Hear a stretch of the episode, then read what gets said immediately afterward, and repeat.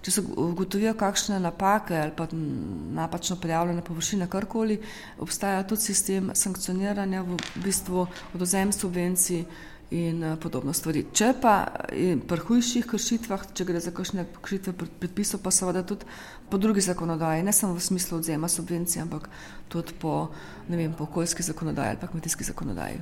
Je to, da so pesticidi v Sloveniji obdavčeni po znižani davčni stopnji v skladu s tem ciljem, da si želimo več ekološkega kmetovanja? O tem smo že dostikrat razpravljali in tudi pridobili tudi mnenja različnih subjektov, vendar je tu treba upoštevati, da je Slovenija zelo majhen trg, da sistem odobrava, da pri fitofarmacevtskih sredstvih tudi ne velja prost pretok blaga, to je izjema, ne.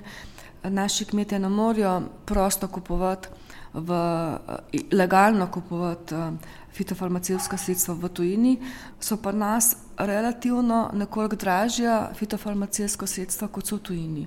Če bi imeli še splošno davčno stopnjo, bi bila ta razlika v ceni še večja.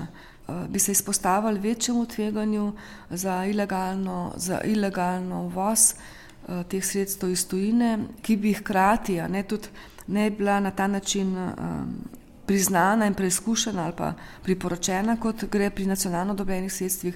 Zaradi tega bi bil tak ukrep pravzaprav zelo dvorezen in ocenjujemo, da bi bila pač ta tveganja v bistvu za okolje in za tudi nenazadnje za hrano še večja.